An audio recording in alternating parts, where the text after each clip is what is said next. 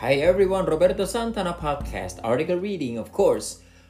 Title now is Why a Good Enough Job Beats a Perfect Job. What did you want to be when you were a child? A teacher? A doctor? A movie star? Well, maybe this isn't a question we should be asking children at all. So says Simone Stolzoff, author of The Good Enough Job Reclaiming Life from Work. He says when we ask children what they want to be, we make it sound like having our dream job is the most important goal in life.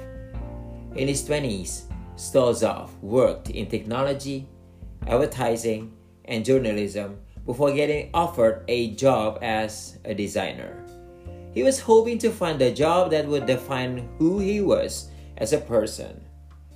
I really didn't feel like I was choosing between two jobs, Stolzoff uh, told CNN. I was choosing between two versions of me. But Stolzoff says jobs aren't really designed to give our lives meaning. And he says that, especially in the US, there's a desire to always be the best at what you do. And this can even become part of leisure time as people push themselves to, say, run harder races or read more books in a year. Stolzoff took the designer job, but he left it in 2022 to finish writing his book and find his identity outside of work. It's important, he says, not to look for the perfect job, but to decide what work is good enough to support the type of life you want, whether that means a particular salary, industry, schedule, or title.